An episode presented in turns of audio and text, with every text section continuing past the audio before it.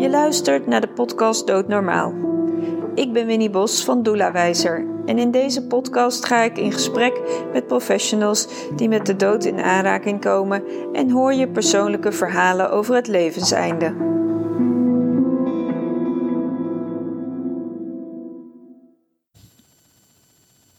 Ik zit vandaag aan tafel met Lisa de Bijen. En Didi Spaans. Fijn dat jullie er zijn, dames. Dankjewel dat wij hier mogen zijn, Winnie. Ja, heel graag gedaan. Uh, want ik nodigde jullie uit uh, voor deze podcast. En daar zeiden jullie uh, volmondig ja op. Ja. Um, en dan word ik altijd heel erg nieuwsgierig. Waar komt die ja vandaan? Dus vertel. Mooie vraag. Ja, zeker. Ik, denk, uh, ik kijk Lisa. ook even Didi aan. jullie hebben elkaar natuurlijk uh, eerst gecontacteerd op uh, de app Clubhouse. En ja. zo is dit allemaal tot stand gekomen. Klopt. Ja, ik vond jouw verhaal wat je vertelde op Clubhouse heel erg mooi, Winnie. En ik, ik wilde er eigenlijk ook helemaal niet eerst op reageren. Omdat het zo mooi was en authentiek en echt. Ja, en dat, dat trekt mij altijd aan bij mensen. Hun verhaal en daarna luisteren. En ja, als een wederzijdse connectie is, er graag meer over praten. En kijken hoe die connectie verder ontstaat. En dan ben ik heel dankbaar dat wij hier mogen zitten om het over ons werk te hebben, over mm -hmm. ja, waar we voor gaan en staan met z'n allen. En dat vind ik echt prachtig dat dat yeah. zo kan gaan. Yeah. Zeker in deze tijd. Ja, want wat hebben jullie samen gecreëerd? Want daar gaat het natuurlijk over. Ja, wij hebben de korte film Alex uh, samen gemaakt, waarvoor Lisa de regisseuse en schrijfster was en ik zelf was de producent en editor. Yes. En die film die, uh, ja, die valt heel erg in het hokje van, uh, van rouw. In ieder geval, nou, ik wil niet zeggen hokje, maar het, uh, het hoofdthema is uiteindelijk rouw. Ja. En uh, daarom ook dat wij hier zitten. Mm -hmm. um, ja, het is een. Ik, ik, denk ook echt dat die gezamenlijke interesse, of ook het belang wat wij samen hebben, ook een grote reden voor mij is dat, dat, dat ik hier zit. Ja. ja. En je zegt belang, waar, waar heb je het dan over? Nou, dat we rouw ook meer bespreekbaar moeten kunnen maken. En ja. zeker niet een taboe moeten noemen of iets wat niet of onder de tafel geschoven moet worden. Nee. nee. Dus uh, ja, we mogen het praten, we mogen het ook creatief uiten. En ja. uh, ja. laten we het alsjeblieft met z'n allen ook doen. Ja, nou kunnen de luisteraars jullie niet zien, maar ik wel.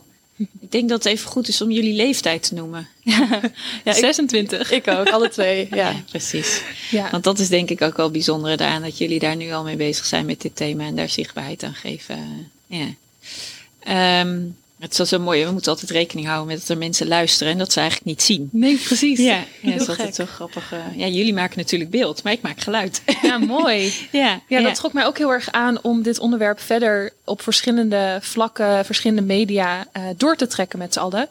Um, juist om, wat jij ook net heel mooi zei voordat we gingen opnemen, is netwerken, dat, dat, dat zit gewoon in in deze ruimte, in, in ja, hoe zeg je dat, het leven, dat je dat doet om met elkaar verder te komen. Mm -hmm. En wat jij ook mooi zei, Didi, om het juist bespreekbaar te maken, geven we er geen taboe kenmerk aan. Iets wat ja. nu wel ronddwaalt rondom het onderwerp rouw en omgaan met verlies.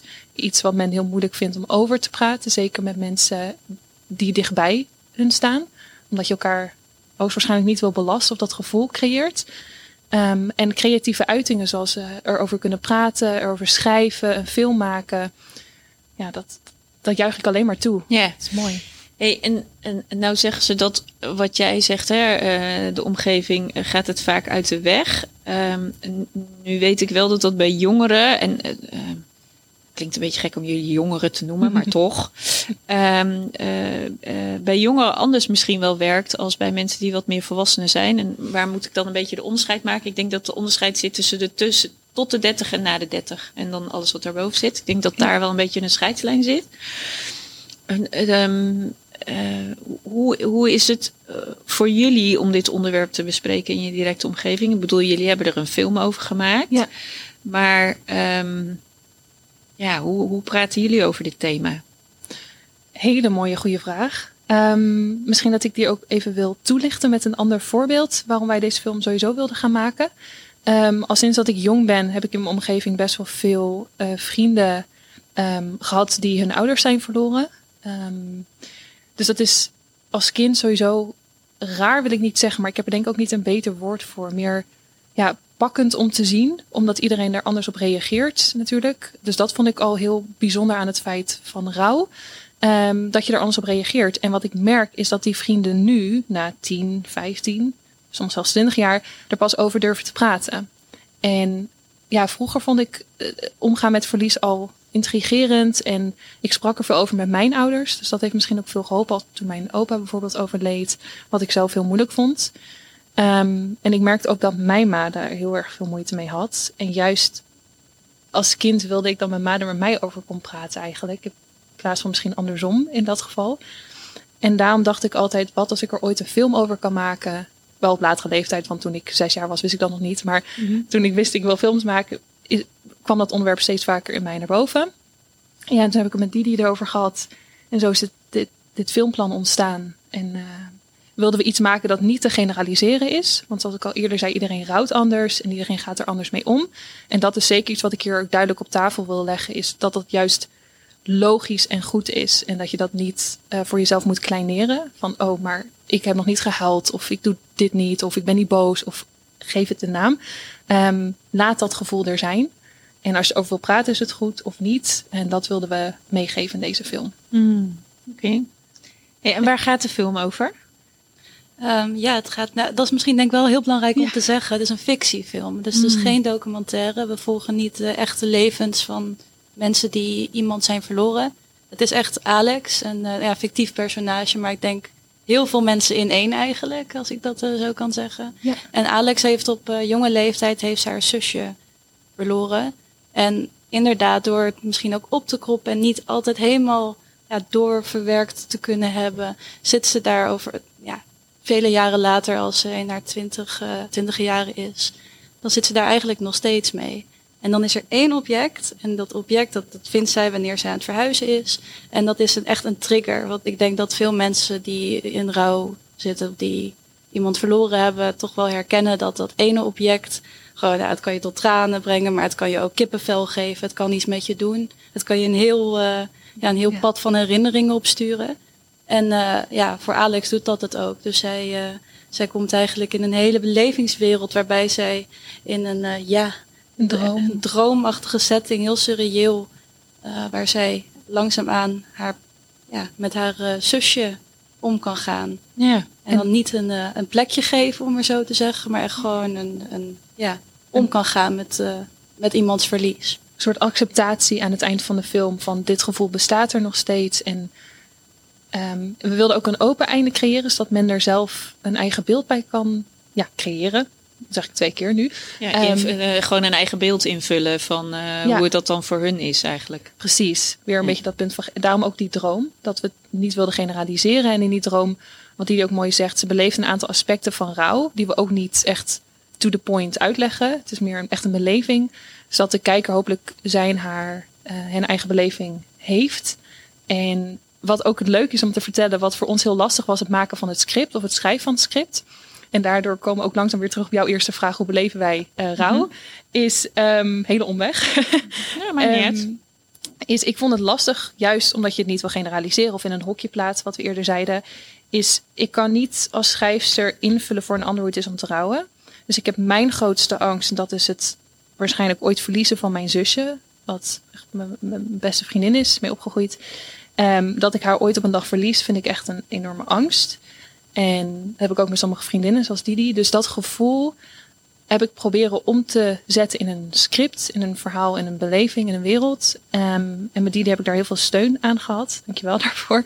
En daar hebben we samen een heel mooi script, hopelijk, wat wij in ieder geval een mooi script vinden, kunnen ja, schrijven. En met een fantastisch team hebben we dat nu omgetoverd tot een wereld eigenlijk. Mm. Misschien meer een wereld dan een film. Of ja. beide. Maar ja. Van warm gevoel. Dus om terug te komen op jouw vraag. Hoe beleven wij jongeren het anders dan vanaf ongeveer 30 jaar? Vind ik toch wel lastig om te zeggen. Omdat ik aan mijn vrienden die dat hebben meegemaakt op wat dichtere vond. Dus echt met ouders en bijvoorbeeld minder met opa's en oma's. Wat ik dan heb. Um, wat natuurlijk ook net zo goed heftig kan zijn. Maar in mijn geval dan wat minder. Um, dat ze daar met familie er niet over wilde of durfde te praten. Of niet het gevoel hadden dat dat kon. Maar langzamerhand, hoe dat ze ouder worden, dat dat nu wel een besef creëert van het kan wel. Dus misschien is dat ook, ja, met ouder worden heeft dat sowieso te maken. En als ik kijk naar mijn ouders, die vinden het nu nog steeds moeilijk, maar het ligt er ook maar net aan wie je hebt verloren. Dus daarom vind ik het zo lastig om er een duidelijk antwoord op te geven. Maar misschien dat, dat jij... ook helemaal geen duidelijk antwoord zijn. Dus dit is ook een antwoord. Ja. Ja. Soms zijn antwoorden gewoon ook niet duidelijk te maken. Want het is soms, uh, dit is heel lastig in te vullen voor een ander. Hoe is dat? Rouwen is niet uit te leggen. Nee, oh dat is goed gezegd. Ja. Hoe, mag ik vragen hoe dat voor eh, jou is? Uh, Oeh, uh, van welke situatie wil je hem hebben? um, hoe is rouwen voor mij? Nou, ik geloof. Uh, kijk, er zijn allerlei theorieën en boeken over geschreven. Ik bedoel, ga, naar de, ga naar de boekhandel en je kunt er echt een, een boekenkast vol aan boeken voor krijgen. Ja. Um, en daar zit het hem voor mij eigenlijk zeg maar niet zo in. Het zit hem voor mij niet in die boeken. waar het hem voor mij in zit, als het gaat om rouw, is aanvaarden dat het er is. En dat alles wat daarmee verbonden is en los wil komen, er mag zijn. Mooi. Dat is eigenlijk waar het over gaat. En dat kun je niet regisseren. En, en dat is wel een die je echt. Uh, dat heb ik moeten leren. Dat ging bij mij ook niet vanzelf. Maar dat is wel wat er voor mij in rouw zit. Je kan rouw niet sturen. Je kan er geen stuur op zetten en denken: Nou, nu hebben we zin in links. Gaan we maar eens links. Nou, en nu is naar rechts. Zo werkt het niet. Nee. Weet je, jij gaf net een heel mooi voorbeeld dat er een object is. Maar het kan ook uh, iemand zijn die je tegenkomt, waardoor je ermee in gesprek raakt. Uh, ja. Of een cadeautje wat je krijgt, of een kaartje met woorden. Of nou ja, weet je, het is, zijn soms de gekste dingen. Ja, de zintuigen zijn er ook. Uh, het zijn soms de gekste dingen waardoor je weer terug wordt gehaald, zeg maar, ja. naar, naar toen. Um, nou ja, en om, om daar, ik kan, hè, dan denken mensen, ja, hoezo dan? Er zijn zoveel verschillende momenten. Nou, als ik dan even uit mijn leven, hè, als mensen dan denken van, nou, ik wil het toch wat concreter, dat kan ook. Um, uh, even kijken, met welke ga ik dan beginnen? Want ik heb zoveel ervaringen. um, uh, welke zullen we eens pakken? Nou, laat, ik, laat ik deze pakken. Ik was. Um, ik was 13 toen mijn opa overleed. En die had ik die dag daarvoor nog gezien. En ik ben een vrij sensitief iemand. En mijn opa was als een super relaxte man. Uh, nou, altijd super chill, uh, ontzettend lief mens. En op deze bewuste dag dat wij zouden vertrekken, want wij woonden 2,5 uur rijden van mijn opa en oma vandaan, uh, was mijn opa ongelooflijk aan het aandringen aan mijn moeder dat wij moesten blijven. En dat was voor mijn opa iets heel ongewoons. En alles in mij zei, uh, en dat kon ik toen niet kwijt aan mijn ouders, hij weet dat hij gaat sterven. Ja. En wij zijn naar huis gereden en de volgende ochtend werd ik door mijn moeder aan bed uh, uh, wakker gemaakt en met de mededeling opa is dood. Okay. En ik geloof dat ik zoiets heb gezegd, zie je wel, wat niet echt werd ontvangen. Maar als kind voelde ik gewoon al wel dingen aan. Ja. En het is hetzelfde als je het hebt over rouwen. Als je iets weghoudt, gaan mensen zelf fantaseren. Dus op mijn vijftiende pleegde mijn oom zelfmoord. Ik mocht niet mee naar de uitvaart. En mijn moeder kwam thuis. Het is maar goed dat je niet bent weg geweest, want het was niet om aan te zien. Moet je niet tegen een tiener zeggen. Nee. Want die gaat daar zelf beelden bij bedenken. Ja. Dus wat ik daarvan heb geleerd, van de dood moet je niks weghouden. Nee. Je moet alles laten zien. En als het kind niet groot genoeg is om het te laten zien, wat ik niet geloof, want het is altijd groot genoeg om iets te laten zien. En als het niet in het geheel kan zien, dan kan het een deel zien. Um, het is gewoon nodig dat iemand bewijsmateriaal heeft. Ja, om ook dingen te elimineren. Van dit ja, is... anders ga je, gaat namelijk je eigen fantasie erop los. Ja. En doordat je eigen fantasie erop losgaat, ga je dus ook op een andere manier rouwen. En ga je dus op een andere manier met dat verlies om. Ik heb een um, schoolvriend verloren, die ik um, een week voordat hij uh, een fataal ongeluk kreeg, hij heeft nog wel een week in coma gelegen, nog in de stad tegenkwam. Toen dacht ik, oh nee, niet nu. Even geen zin in. Ja, ik bedoel, je bent echt een onwijs goede vriend, maar ik ben gewoon even nu niet in staat. Nee. Dus ik heb soort van mezelf zo in mijn jas zo weggestopt. Zo van, nou, ik uh, maak mezelf even onzichtbaar. Ik ben er Ja. niet. En uh, nou, ik zie je volgende week of weet je, elk ander moment wel weer. Niet wetende dat hij diezelfde week een fataal ongeluk zou krijgen. In coma Oh. zou raken. En uiteindelijk een week later zou overlijden. Nou, je snapt, als ik iemand tegenkom en denk, nou, ik heb nu geen zin in. Dan zegt Winnie tegen zichzelf, je maakt maar zin. Precies. Ja. Je weet Want nooit zomaar, het kan zomaar zijn dat iemand er morgen niet meer is. Ja. En, en nou heb ik het natuurlijk allemaal over momenten van overlijden. Maar die zijn allemaal ten grondslag aan de manier waarop je gaat trouwen. Ja. Um, dus voor mij zijn dit allemaal dingen geweest uh, waarin ik gewoon heel erg heb geleerd. Um, Volg je gevoel. Onthoud niks. Ehm, en ja, wegstoppen leuk, maar dat is niet de manier. En dat wegstoppen is tweeledig. Hè? Dat is tweeledig tegen een, een levend mens praten en nog even een leuk praatje maken. Maar dat is ook tweeledig wetende dat er iemand is die iemand verloren is. Die eigenlijk enorm veel behoefte heeft aan een luisterend oor. In plaats van wat de gros van Nederland doet. Oh god, heb je haar? Nee hoor, ik draai me maar weer om hoor. Want uh, oh, nee, dan begint ze weer over. Nou, nee, dat wil ik niet hoor. Ik heb geen zin in. Nou, uh, ik, ik doe maar een bochtje om. Want dat is wat wij veel Nederlands doen. Hè? Uit ongemakken. En ik snap het, hè, waarom mensen het doen. En toch is het heel pijnlijk. Ja. Want mensen die in rouw zijn, voelen dit. Ja. En die ervaren dit. En die weten dit, dat mensen dit doen. En daarom gaan ze ook minder snel een mondje open doen wanneer ze het gevoel hebben dat ze iets kwijt willen Precies. moeten. Ja, precies. Daarom is het fijn dat wij hier zitten. Ja. En hopelijk luistert er iemand die zegt... Ja. ja. Dus er zijn gewoon heel veel voorbeelden te noemen. Uh, waarin je het rouwen gewoon toegang geeft. Dat is eigenlijk wat ik. Wat ik en dit zijn drie voorbeelden. Ik kan, ik kan nog eindeloos doorgaan hoor, maar ik zit in gesprek met jullie. ik vind het wel heel mooi dat je het wilt delen. Ja, ja dankjewel. Ja, ik maak van mijn leven geen, uh, geen geheim. Uh, nee. Ik vraag me ook af, omdat je de vraag natuurlijk ook eerder aan ons stelde. Merk je een verschil in hoe snel je begint over ik ben nog in rouw met andere mensen nu je ook wat ouder wordt. Ik merk dat ik bijvoorbeeld met mijn kindertijd er ook anders mee omga en mijn ouders ook. En dat vind ik een heel mooi proces, ook aan vrienden. Ik zou vragen aan jullie beiden hoe jullie daar tegenaan kijken en wat jullie, hoe jullie met rouw omgaan. Of... Kijk Didi even aan. Ja, ja dat, uh, Lisa weet dit al allemaal al te goed. Ja, ik, uh, ik, ik, ben wel echt een, een, uh, ja, een binnenvetter eigenlijk daarin. En ook, ik, ja, ik, ik heb ook best wel wat mensen helaas moeten verliezen. Um, en ik ben, ja, ik heb altijd wel meegekregen van hou het maar gewoon stil, doe maar gewoon rustig. En uh, het, uh, ja, als je er lang genoeg over zwijgt, dan gaat het vanzelf wel weg. Wat natuurlijk echt totaal niet waar is. Echt uh, inderdaad het tegenovergestelde. Als je het juist ontneemt, dan ga ik zelf heel erg fantaseren, wat ook ja. heel erg bij mij gebeurd is. in het geval van mijn vader bijvoorbeeld. Um, ik heb mijn vader nooit ja, nooit nou, weinig ontmoet. Hij zat vaak uh, nou, in de gevangenis en uh, uh, lang, lang verhaal. Maar die is op een gegeven moment, in mijn tienertijd, heeft hij zelfmoord gepleegd. toen hij net ja, um, een tijdje uit, het, uit de gevangenis mocht. En ja, onmiddellijk is hij gewoon meteen naar zijn geboorteplaats gereisd, naar geboorteplaats waar hij hier in Nederland heeft gewoond. is hij gereisd en daar heeft hij zelfmoord gepleegd. Dus dat ging heel snel. En dat was, was ook een belletje. Gewoon, ja, mijn moeder mocht hem natuurlijk ook helemaal niet. En uh, ja, hij is dood. En op zich, we, hebben nog, we mogen nog wel, in ieder geval mijn zus en ik zijn nog wel bij de begrafenis geweest. Maar voor de rest helemaal niks. En gewoon ook geen contact. We mochten ook niet echt iets van onze eigen invulling aan het afscheid geven met een brief of uh, iets zeggen of wat dan ook. Het was uh, ook zo'n gemeentebegrafenis, dus heel onpersoonlijk.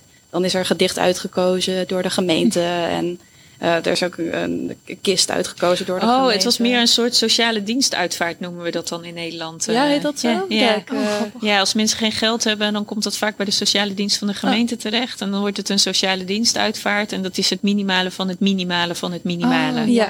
Ja, ja, Dat, uh, dat was het inderdaad. Of de, een, de, de eenzame begrafenis. Er is ook zo'n zo'n dichter in Amsterdam, ik ben even zijn naam kwijt.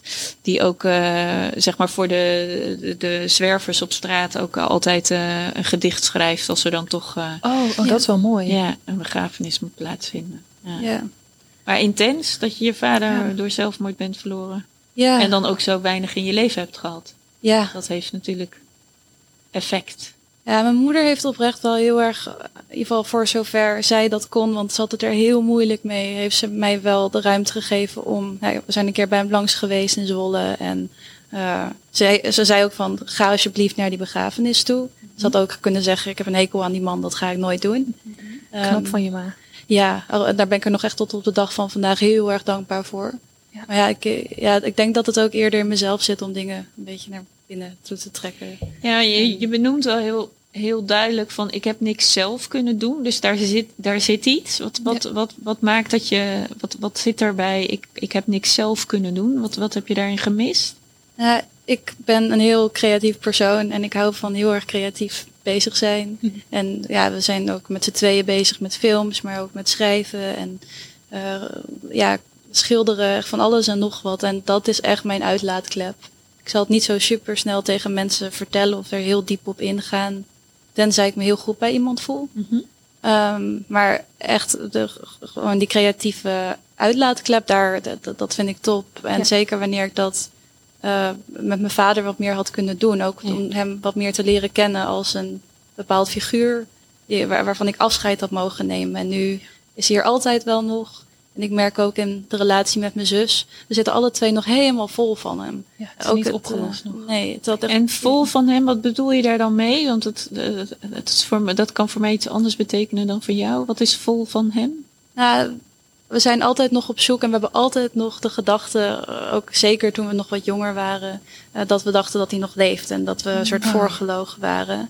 Want ja, eh, zelfmoord hebben we voor een trein gesprongen. Dus ja, dat ga je niet echt openbaren. De- dus we hebben hem nooit mogen zien. En we hadden, en het was ook niet 100% te bewijzen dat hij het was volgens ons dan. Dat is, Ja, dan ga je als Ja. kind natuurlijk Is, is dat werkelijk waar? Of is, nee, oh. nee, nee. Mijn moeder zei ook, eh, dat, hij is het al echt hoor. Dat is een DNA-test geweest. en Ja, alles. Ja. Maar wij dachten van nee, dat kan, dat kan allemaal bedrogen worden. Dat is allemaal niet waar. En eh, Ook wij hebben gelijk. wilt Dat het misschien Maar dat is mooi, hè? Dus ik, ik zeg net, eh, jij vroeg net van, heb je een paar voorbeelden of hoe is dat voor jou rouwen? En ik noem dus het voorbeeld van iemand onthouden van. En jij geeft gelijk het voorbeeld wat dat dus doet. Ja, ja. Ja. En ik snap hoor, voor een trein springen is niet heel fijn. Ik heb in de uitvaartwereld gewe- gewerkt. Ik heb genoeg mensen die voor de trein gesprongen hebben een uitvaart gedaan. Ik zat toen de tijd in het werk. Maakt me niet uit hoe iemand is gestorven. De deksel van die kist gaat open en ik wil zien wat erin ligt. Als nabestaanden dat niet willen, dan wil ik het in ieder geval zien, omdat ik wil weten met wie ik wegbreng. Ja. ja. Dus ik wilde dat altijd, ik wilde daar altijd een verbinding mee leggen. Anders dan, ja, dat vond ik het lastig om mijn werk te doen. Ja. En, dat is raar, hè? Want ik ken die mensen helemaal niet, hè? Dus ik, ik deed echt mijn werk. Maar ik kon echt alleen maar mijn werk doen als ik daadwerkelijk ook eh, dat beetje wat er nog over was, of alleen een hand, of nou ja, whatever eh, daar nog te zien was, dat ik dat wel kon zien. Ja. Ik vind het helemaal niet zo gek. Eigenlijk. Dat je toch die eh, laatste connectie is misschien niet het juiste woord. Maar wat wel het juiste woord hiervoor. Maar dat je iemand nog kan zien. Zeker als je daar eh, over moet spreken of een gevoel bij Ja, ik had gewoon een verbinding nodig met Ja. de, in plaats van alleen maar met de naam op reis te zijn, wilde ik met een, een, een, een- niet een naam, maar met een gezicht op reis. Ja. Eh, om dan toch met een beeld, zeg maar, eh, ook in verbinding dan met de, met de familie, Ja. altijd die verbinding te maken. Ja. Ja. Oké, maar vol van is dus dat je nog vol in de fantasie zit. Eigenlijk wel, ja. Ja, ik, ik denk dat dat eh, ook heel moeilijk is om nog weg te krijgen. Omdat het zo langer heeft gezeten. En het is, denk ik, nou, het heeft wel tien jaar hebben we met z'n... Ja, ik wil het bijna geen ja, conspiracy theories bijna gaan noemen. Maar dat, eh, dat, we kwamen wel met de gekste dingen met z'n tweeën. Ja. En, dat, eh, en, en op een gegeven moment dan geeft het ook een stukje. We zijn ook op een gegeven moment door de NPO benaderd. Of we een documentaire eh erover wilden maken. Daar hebben we alle twee wel echt... eh, vol, nou, ik heb volmondig nee gezegd. Mijn zus wou het nog wel. Maar ik, nee, ik had daar geen behoefte aan. Nee. En eh, dat... ja, dat... en ik merk ook gewoon nog met de familie dat er... nou het- hij is er nog, maar hij is er niet meer. Maar omdat hij Nee. nooit echt 100% door iemand dan ook echt verwerkt is, is hij altijd als soort ja, letterlijke geest. Maar is, bestaat er überhaupt 100% verwerkt? denk het niet. Maar ik, ik denk wel de aanwezigheid waarmee hij er nog steeds is. En niet op een soort ondersteunende manier van het is. Ik, ik ben gewoon nog steeds nog best wel storend daarin. Oké. Een, eh, een storende aanwezigheid. En, wat, en wat noem jij dan storend? Ik ga nog heel even erop in. Ja. Ja, Want ik vind het interessant omdat daar een aantal voorbeelden in zitten waar veel mensen mee zitten namelijk. Ja. Ja, ik heb zelf dat hij. Dat, eh, ik, eh, hij is nog niet rond voor mij. Hij is nog een soort halfpersoon die ik niet helemaal ken. En die ik wel heel graag had willen kennen op een bepaalde manier. En die ik ook, ja, waarvan ik ook wat liever had gehad dat hij een echt persoon was. In plaats van nu is hij een, ja, eigenlijk wat je zegt, dat er iets nodig is qua een, een- iets lichamelijks misschien. Nu is hij echt een bundel van ideeën. En eh, die komen vooral van de mensen die hem niet mochten. Ja. En Oh, dus je hebt heb- ook nog met een wereld te maken van de voor's en de tegens. Ja, ja, er zijn weinig mensen die eh, in ieder geval die positief over hem kunnen zijn. Dus je hebt eigenlijk nooit je eigen opinie en ervaring met hem kunnen opbouwen. Nee, nee. Ehm, ik, ik had ook nog een vraag. Ehm, heeft het fantaseren met je zus over je pa geholpen enigszins in het mogelijk verwerken ervan? Of is dat... Ja, is, ik denk dat tot op een bepaalde hoogte. Maar op een gegeven moment werd het wel gevaarlijk. Denk ik dat het ook, dat we gewoon echt de waarheid tegen gingen spreken. Van denken van ja, dat ik ook tegen mijn moeder heb gezegd. Je liegt tegen me dat hij dood is. En dat is denk ik wel een stukje wat niet, ja, dat, dat is niet, eh, denk een bepaalde mate van fantasie. Een bepaalde mate van daarover nadenken. Misschien. Maar ik denk in, de, ja, in wat wij aan het doen waren niet. Nee. Echt niet, nee. Hmm. Ja, ik denk dat dat een echt een, inderdaad een heel goed voorbeeld is van het ontnemen van, eh, Ja, van Ja. iemands eh, Ja, verwerking. je, eigen, je, je eigen mind gaat ermee aan de haal. Ja, En dat is op zich logisch, maar ik denk dat die bij jou nog iets extremer is, als ik hem zo mag zeggen. Omdat het voor jou ook heel ingewikkeld is geweest om een relatie met je vader te hebben, omdat hij op een afgesloten, in een afgesloten eenheid zat, een gevangenis. Ja, hoe kun je daar nou een relatie mee opbouwen? Een relatie ja, daar kun je wel een relatie mee opbouwen, maar dat is beperkt, omdat je continu zelf de beweging naar hem toe moet maken om de verbinding te maken. En hij die misschien wel middels brieven naar jou kan doen, maar het is toch, het is toch anders. ja, Als Ja. dat hij daadwerkelijk continu iedere dag in je leven is en gewoon je in een gezinssituatie zit. En nou ja, huisje, boompje, weesje. Ja, het is toch wel, eh, het is toch wel anders. Ja. ja, ja, het was ook een. eh, ik weet- ik weet nog echt, ik was super jong, maar ik weet nog exact. Want hoe oud was je toen hij overleed? 15. Oké. Dat is een beetje dezelfde leeftijd als ik. eh, Zelfmoord, dat was dan wel mijn oom, maar ik was ook 15. Ja. En jij, wat, wat, wat, wat heb jij aan, aan verlies eh, meegemaakt? Wat? Ehm, nou ja, extern verlies dus de, de ouders van mijn vrienden. Dat vond ik wel heftig, omdat het ook een soort van ja, tweede ouders eh, was. Ook zeker de moeder van mijn beste vriendin. Mhm. Was ook inderdaad eh, in, haar, in haar puberteit. Ehm, dus dat was heftig. En in mijn familie, mijn oma is overleden net voor corona. ehm, aan de lever. En dat vond ik heel moeilijk. Omdat je je oma op een gegeven moment ook niet meer herkent. En ik, Hmm. Want ik- zij had, je zegt aan de lever, wat, wat, wat ja, ehm, kanker. Oh, oké. Ja. En jij je merkt gelijk, ze wordt natuurlijk geel. Ja. En, eh, ja, leverkanker is niet fijn. nee, en het is ook niet meer te stoppen in, in die extreme mate. Dus als je het dan ontdekt, dan is het ook gewoon niet meer terug te draaien of er iets aan te doen. Nog, hopelijk ooit wel. Ehm, dus dat was moeilijk, vooral voor mijn ma. En die heeft er nog steeds moeite mee, wat heel logisch is. Ehm, en zeker ook corona heeft, pakt ook die, eh, ja, die drama kant mee natuurlijk, want dat is niet leuk.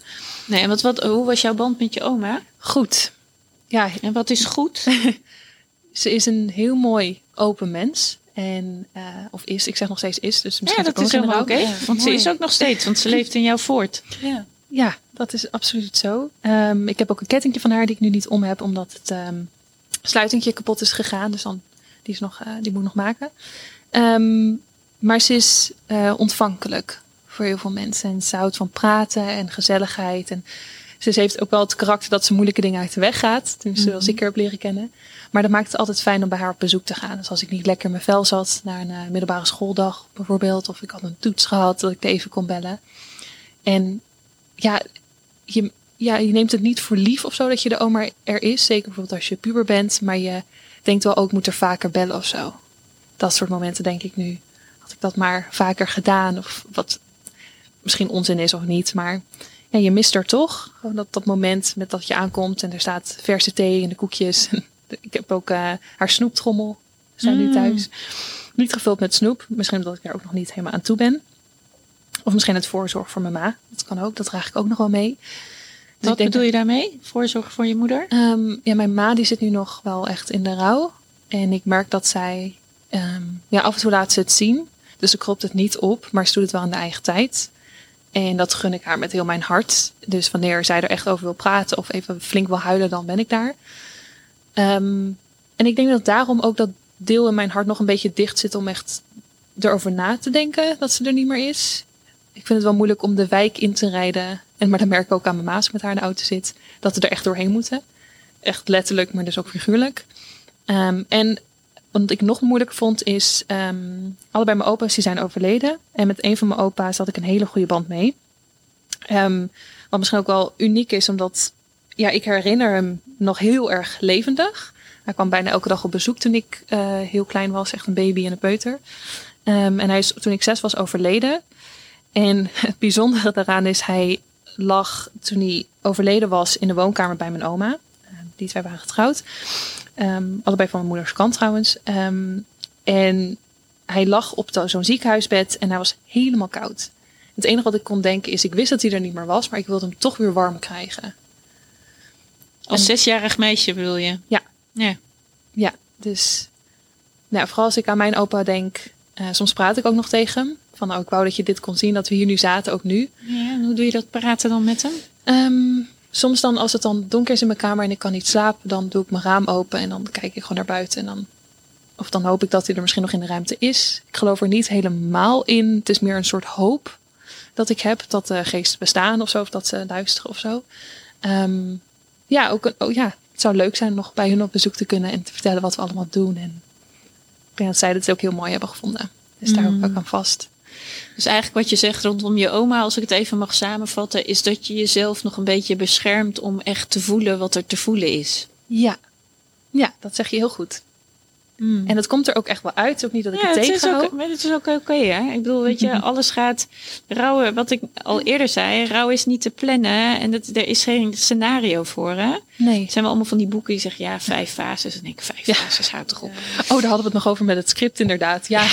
Vijf fases, denk ik. Het gaat gewoon vervallen en opstaan. Dan ga je enorm op je bek en dan sta je weer op. En dan, dan denk je, oh, oh, En soms dan gaat het met een enorme lach. En dan denk je, uh, oké, kan ik dit nou allemaal weglachen? Ja, dan lach je het weg. Ja. En de andere keer dan uh, huil je tranen. Met, weet je, er is, geen, er is gewoon geen script voor te schrijven. Het nee. komt zoals het komt.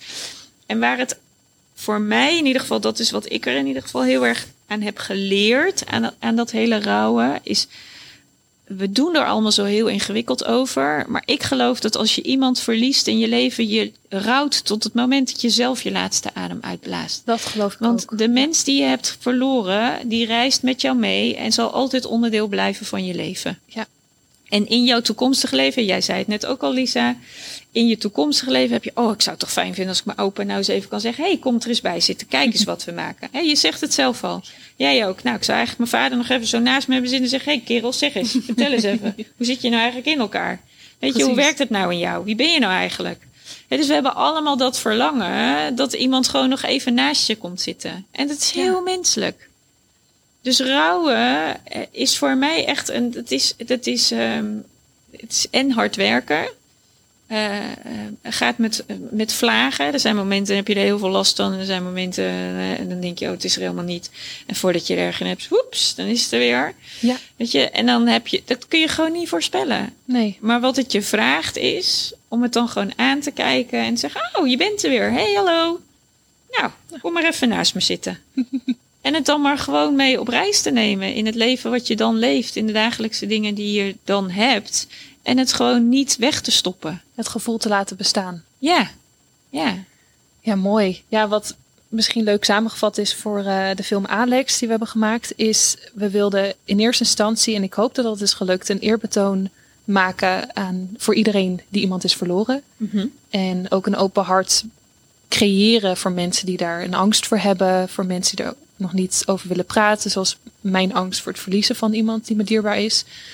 En het is een angst die, uh, uh, waar je niet altijd bij stilstaat, zeker ook niet bij stil wilt staan, maar die er wel is. Um, en dat het goed is dat je, dat, dat je daar een plekje voor creëert voor jezelf om het over te hebben. Alles met jezelf, al is het door middel van iets te maken of uh, erover over na te denken of met vrienden. En um, ja, ik hoop dat het is gelukt. Ik weet dat mijn, mijn oma die heeft het al mogen zien, mm. de film. En jouw ma heeft hem ook gezien. En ja, wat vrienden. Ja, en die vond het heel mooi. Mijn oma die heeft ook gehaald bij de film. Mm. Was, was het voor jou iets om de film te zien voor de eerste keer? Ja, ik wou dat uh, wel zeggen, want het daad is ook bij het woord gevoegd. Het, uh, ik, ik, praat er nu ook over. En uh, het is ook voor, ook voor eerdere dingen die zijn meegemaakt. Daar hebben we ook met z'n tweeën gewoon echt over kunnen praten. En heel, in heel intieme settings. En dat toch wel door de film. Dus dat is, uh, ik doe, en daarin ben je nu al geslaagd eigenlijk. Dus dat is. Uh... dus eigenlijk door het creëren van de film is voor jou ook, in, want je zei net, ik ben heel ingetogen, ik praat er niet zo over. Maar heb jij erover moeten gaan praten, omdat je uiteindelijk ook gewoon die film wilde neerzetten? Ja, ja. ja. En ook achteraf, ook bij het zien toen, uh, nou, opnieuw, we hebben alle twee echt uh, ook samen gehuild. Die apart van elkaar, maar wel alle twee gehuild. De eerste keer dat hij mm -hmm. echt af was met de muziek eronder. Ja. Echt met de kleurbewerking. En dan ja. denk je echt van, ja, dan sta je op zo'n set en daar sta je dan met al die mensen. En dan denk je dat dat dat dat moment dit nu geworden is. Ja. En dat is zo bijzonder. Hey, en vertel er eens iets over. Hoe hebben jullie dit gecreëerd? Met wie, wat, waar, hoe, hoe lang zijn ja, jullie leuk. bezig geweest? Oh, dat is een uh, stapelvragen, Winnie. ja. Eén voor één. Vertel, wat willen jullie kwijt over de creatie van de film? Ik ben heel nieuwsgierig. Hoe, hoe is dat überhaupt? Hoe kwam überhaupt het vlam te nee, Jij zei al eerder van uh, ergens toen ik jong was wilde ik graag iets maken met rouw. Want toen ik wist dat ik films wilde maken, was rouw in ieder geval een thema wat ik aan wilde raken. Was ja. dat voor jou, Didi? Ja, minder. Maar uh, het, het, was, ja, het, het, is een heel lang voortraject geweest, de hele film. Want uh, waren ook, eigenlijk was het een andere ja, soort competitie waar we eerst mee begonnen. Mm -hmm. Veel gedoe mee geweest, maar uiteindelijk hebben we het ook helemaal naar ons toe getrokken. En echt ons eigen kindje noemen we het ook vaak. Uh, ja. ja, kunnen creëren. Um, ik heb minder echt dat, dat, dat ik iets zou willen maken over rouw.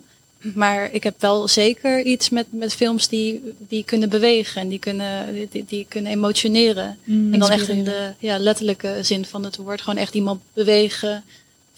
Of dat wel fysiek of mentaal is. En die echt iets doen. In plaats van, ja, de, de, van ja, leuk heeft gekeken en over een dag ben ik hem weer vergeten. Ja, deze, dit draag je ook met je mee in ja. de film. En, dat, ja. en da, daar ben ik zeker wel als maker heel erg uh, voor. Ja, ja, mooi. Ja, het is denk ik echt een uh, magistrale film geworden. Sowieso was het magisch om te maken. Ik denk ook als de hele cast en crew dit luistert, dat ze nu volmondig ja zeggen of knikken. Want, mm. want hoeveel uh, mensen hebben eraan meegewerkt? Op set waren er ongeveer 30 mensen. Uit mijn hoofd in totaal. Nou ja, iets minder. Ik ja, reken ook post mee. per dag. Wisselde ook per dag. En hoeveel ja. dagen hebben jullie gedraaid? Vijf. Ja, vijf volle dagen. Ook een uh, nachtshoot in een zwembad. Dus ik heb voor het eerst ook onder water moeten regisseren en leren. En dat was voor de actrice ook uh, intens om te doen. En over haar, de hoofdrolspeelster, wil ik ook wel een uh, heel groot lofwoordje kwijt. Uh, Dominique, als je dit hoort, deze is voor jou. zij, um, nou, ik had een aantal casting agencies benaderd samen met Didi. En overleg naar wat voor actrice willen we. Natuurlijk iemand die ook goede gezichtsuitdrukkingen kan toekennen bij haar. Omdat, en binnenlaten ook alle emoties. En ook kan verwoorden wat deze rol voor haar betekent. Omdat het een emotionele rol is uh, met heel weinig woorden. En ja, heel veel beweging, zoals die ook zegt, en, uh, en gevoel. Maar het is een, uh, het is een gevoelige film. Um, en daarom zocht ik ook echt naar iemand die wist waar Alex voor staat, als karakter en als film. En op een gegeven moment, ik had een mail uitgestuurd en ik had een paar dames erin gezet van, nou, zouden jullie op auditie willen komen? En Dominique die belde gelijk op. Echt gelijk, denk een uur later. Um, helemaal enthousiast over het, over het plan, over het, nou, het script ook niet eens gestuurd, maar gewoon haar rol. En hebben we heel lang gebeld. En ik had ook wat vragen um, gesteld over de rol. Nou, ik weet niet hoe ze het heeft gedaan, maar ze raakte mij zo erg. Um, dus dat is al heel knap dat je dat kan doen. En toen heeft ze ook echt officieel auditie gedaan. En toen belde ik daar naar Didi op, bijna huilend van... we hebben Alex gevonden. En het is ook meer dan gewoon een connectie voor, voor de actrice. Maar het is ook gewoon iemand die ik nu als een toekomstige vriendin kan zien. Mm. Dus zij heeft echt de set op dat vlak heel, heel mooi en heel goed gedragen. Ze is echt een topactrice die, die het heel ver gaat schoppen. En daarnaast hadden we de uitdaging om twee jonge actrices te vinden. Die, ja, die eentje van zeven zelfs zat erbij. Dan ga je niet vertellen wat voor heftige film dit eigenlijk is. Maar de liefde die die twee hadden ook voor het verhaal en voor de hele set, dat heb ik echt nog nooit mogen meemaken. Dus dat we dit hebben gezien. Voor elkaar. Voor elkaar ook. Echt, een, uh, echt zusjes waren het. Ja, het waren geen zusjes, maar echt, dat hadden ze zo kunnen zijn. Oh, echt? Ja, het is... Uh, Lief aan Scarlett heet ze. Ook even leuk om te benoemen, dames. Yeah. nee, die hebben het fantastisch gedaan. En uh, daarnaast zochten we ook echt de, voor de crew mensen die bij elkaar passen. Want het was voor deze film ook echt nodig dat het een soort kleine familie werd.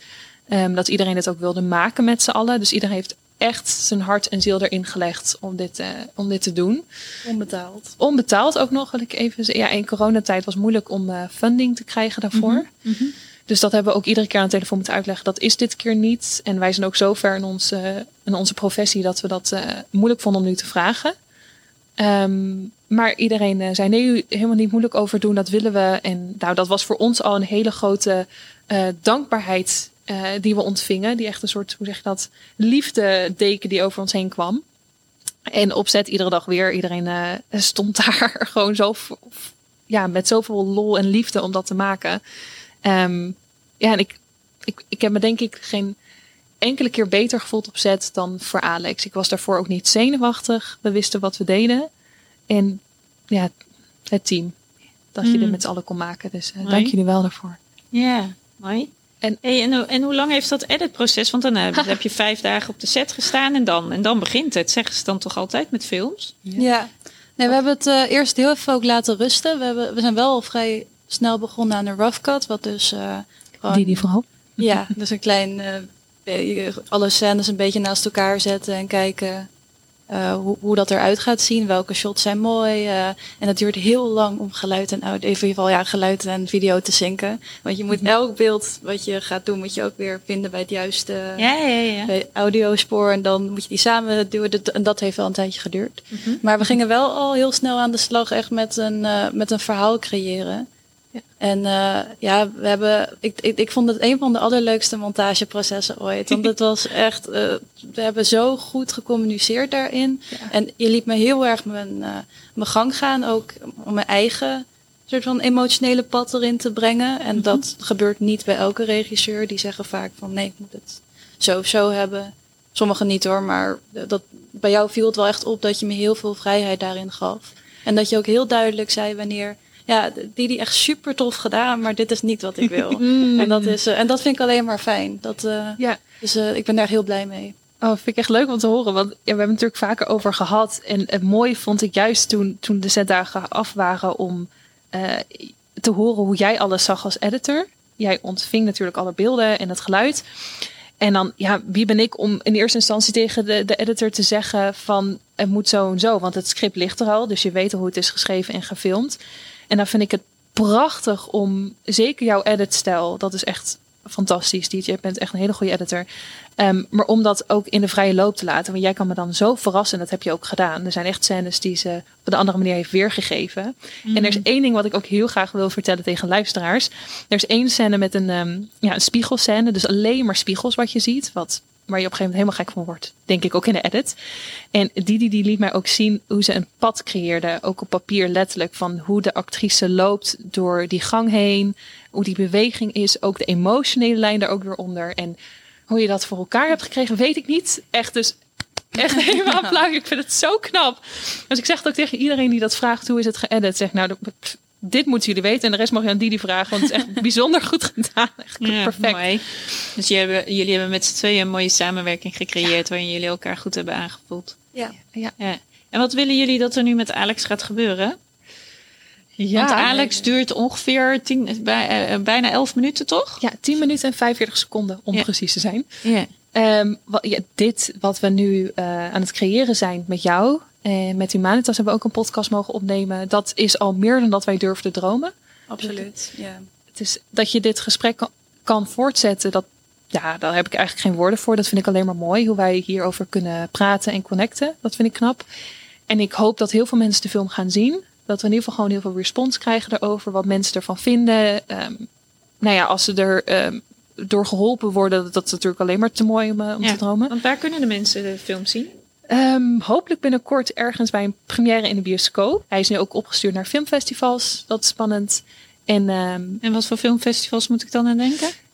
over de hele wereld hebben we het nu naartoe gestuurd. Naar verschillende festivals. Festivals speciaal voor vrouwelijke filmmakers. Of met een vrouwelijke rol eh, in de hoofdrol. Of echt een vrouwelijk thema. Ehm, ja, wat algemenere filmfestivals die echt gaan over bijvoorbeeld fantasie. Ehm, ja, heel veel soorten thematieke filmfestivals. Ook de wat bekendere. Ja. Ehm, omdat we het gewoon willen spreiden aan zoveel mogelijk mensen. Dus dat is nu heel spannend waar die geaccepteerd wordt. En de, ja, de hele cast en crew heeft hem nog niet gezien. Dus dat is voor hun ook heel erg spannend. Oh, gaan jullie daar nog een moment voor creëren? Ja, dat wordt dus eh, bij een van de premières voor allemaal. Daar zijn ze natuurlijk allemaal voor uitgenodigd. Eh, ook leuk voor jou natuurlijk om bij de première uiteindelijk te zijn, Winnie. Zeker, ik kom graag. Ja, met veel plezier.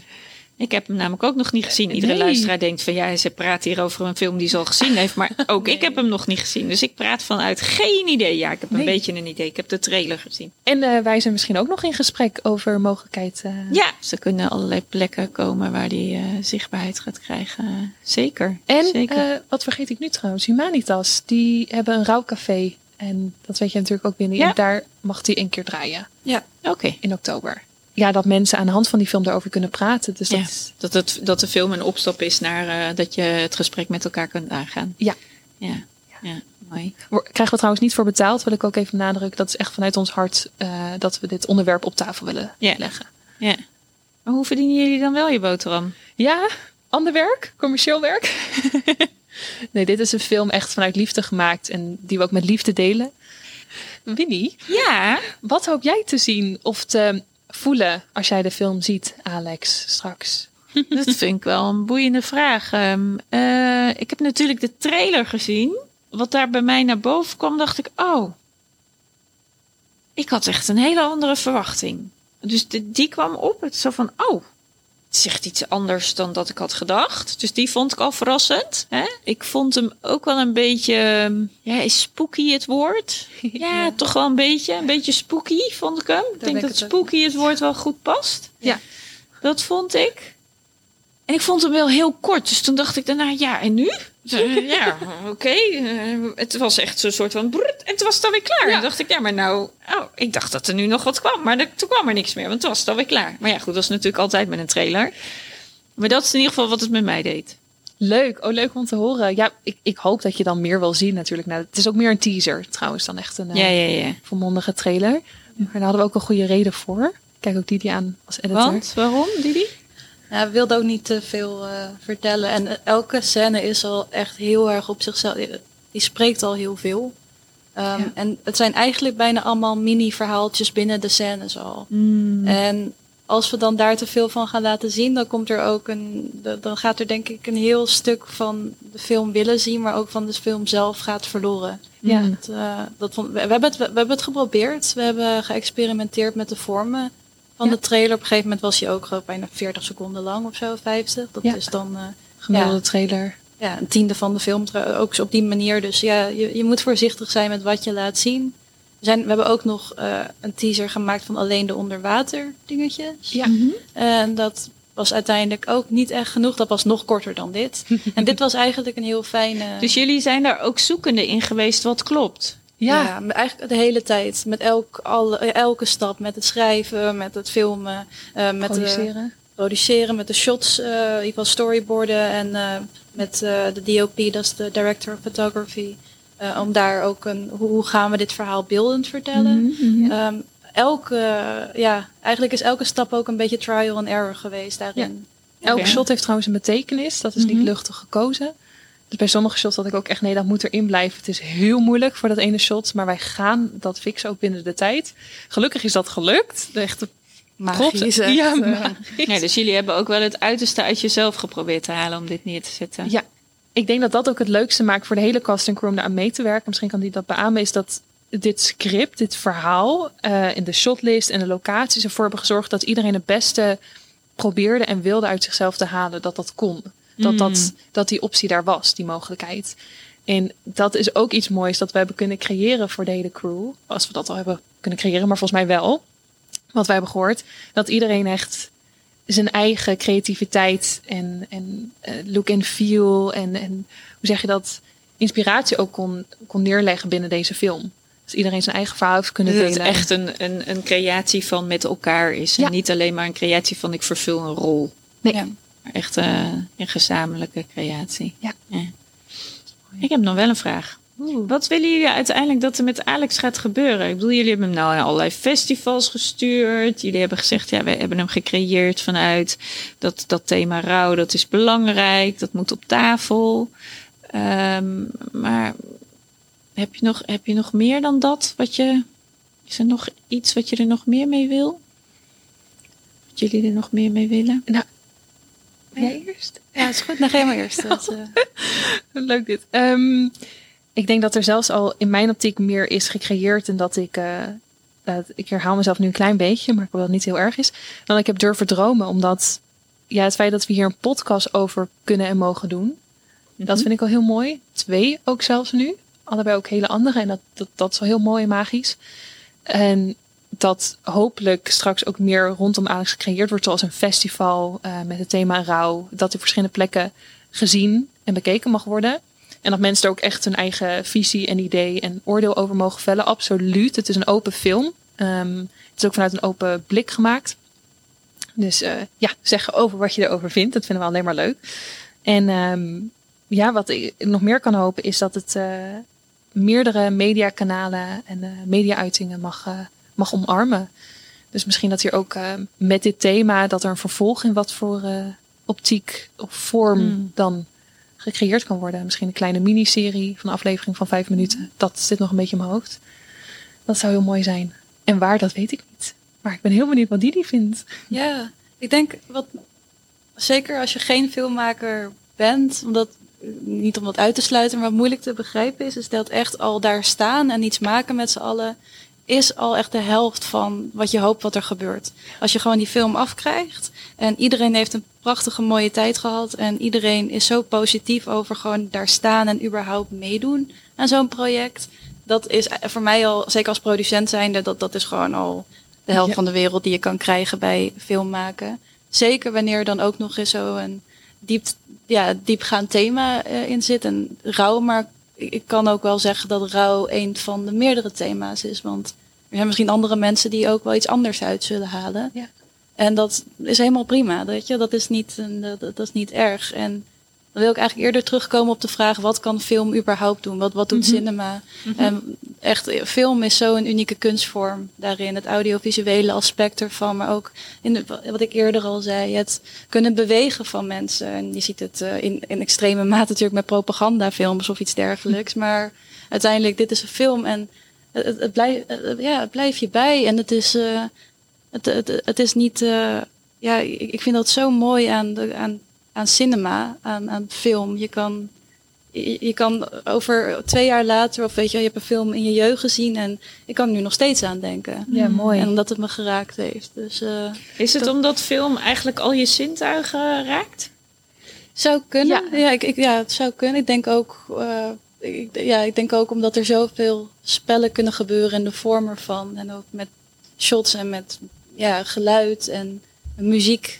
Licht. Je kan, ja, je kan zoveel creëren. Het is zeker, denk ik, zintuigelijk, maar ik denk ook wel omdat het heel veel mogelijkheden biedt in de vorm ervan. Mm. En de, inderdaad het audiovisuele aspect. Ja. Wat uiteindelijk wel weer trouwens eh, zintuigelijk is. Maar Ja. Ik denk ook wat wij allebei het grootste doel is van deze film, maar wat we allebei het meest hopen, is dat deze film bijblijft bij heel veel mensen. Ehm, dat het gesprek voortgezet wordt.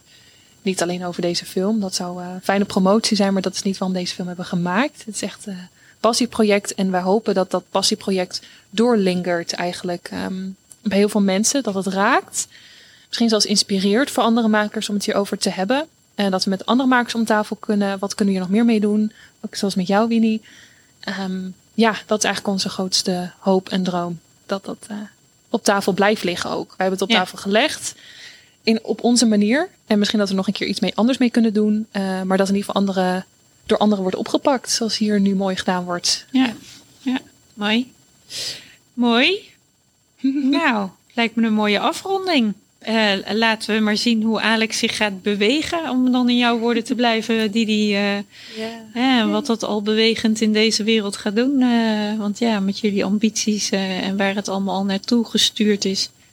Wie weet wat het allemaal nog gaat losmaken. Mooi. Ja, toch? ja. Dankjewel, Ja. Winnie. Ja, Ja, graag gedaan. dankjewel. Ja, Heel fijn, fijn dat jullie er waren. Ja. Ik zit vandaag aan tafel met. Lisa de Bijen.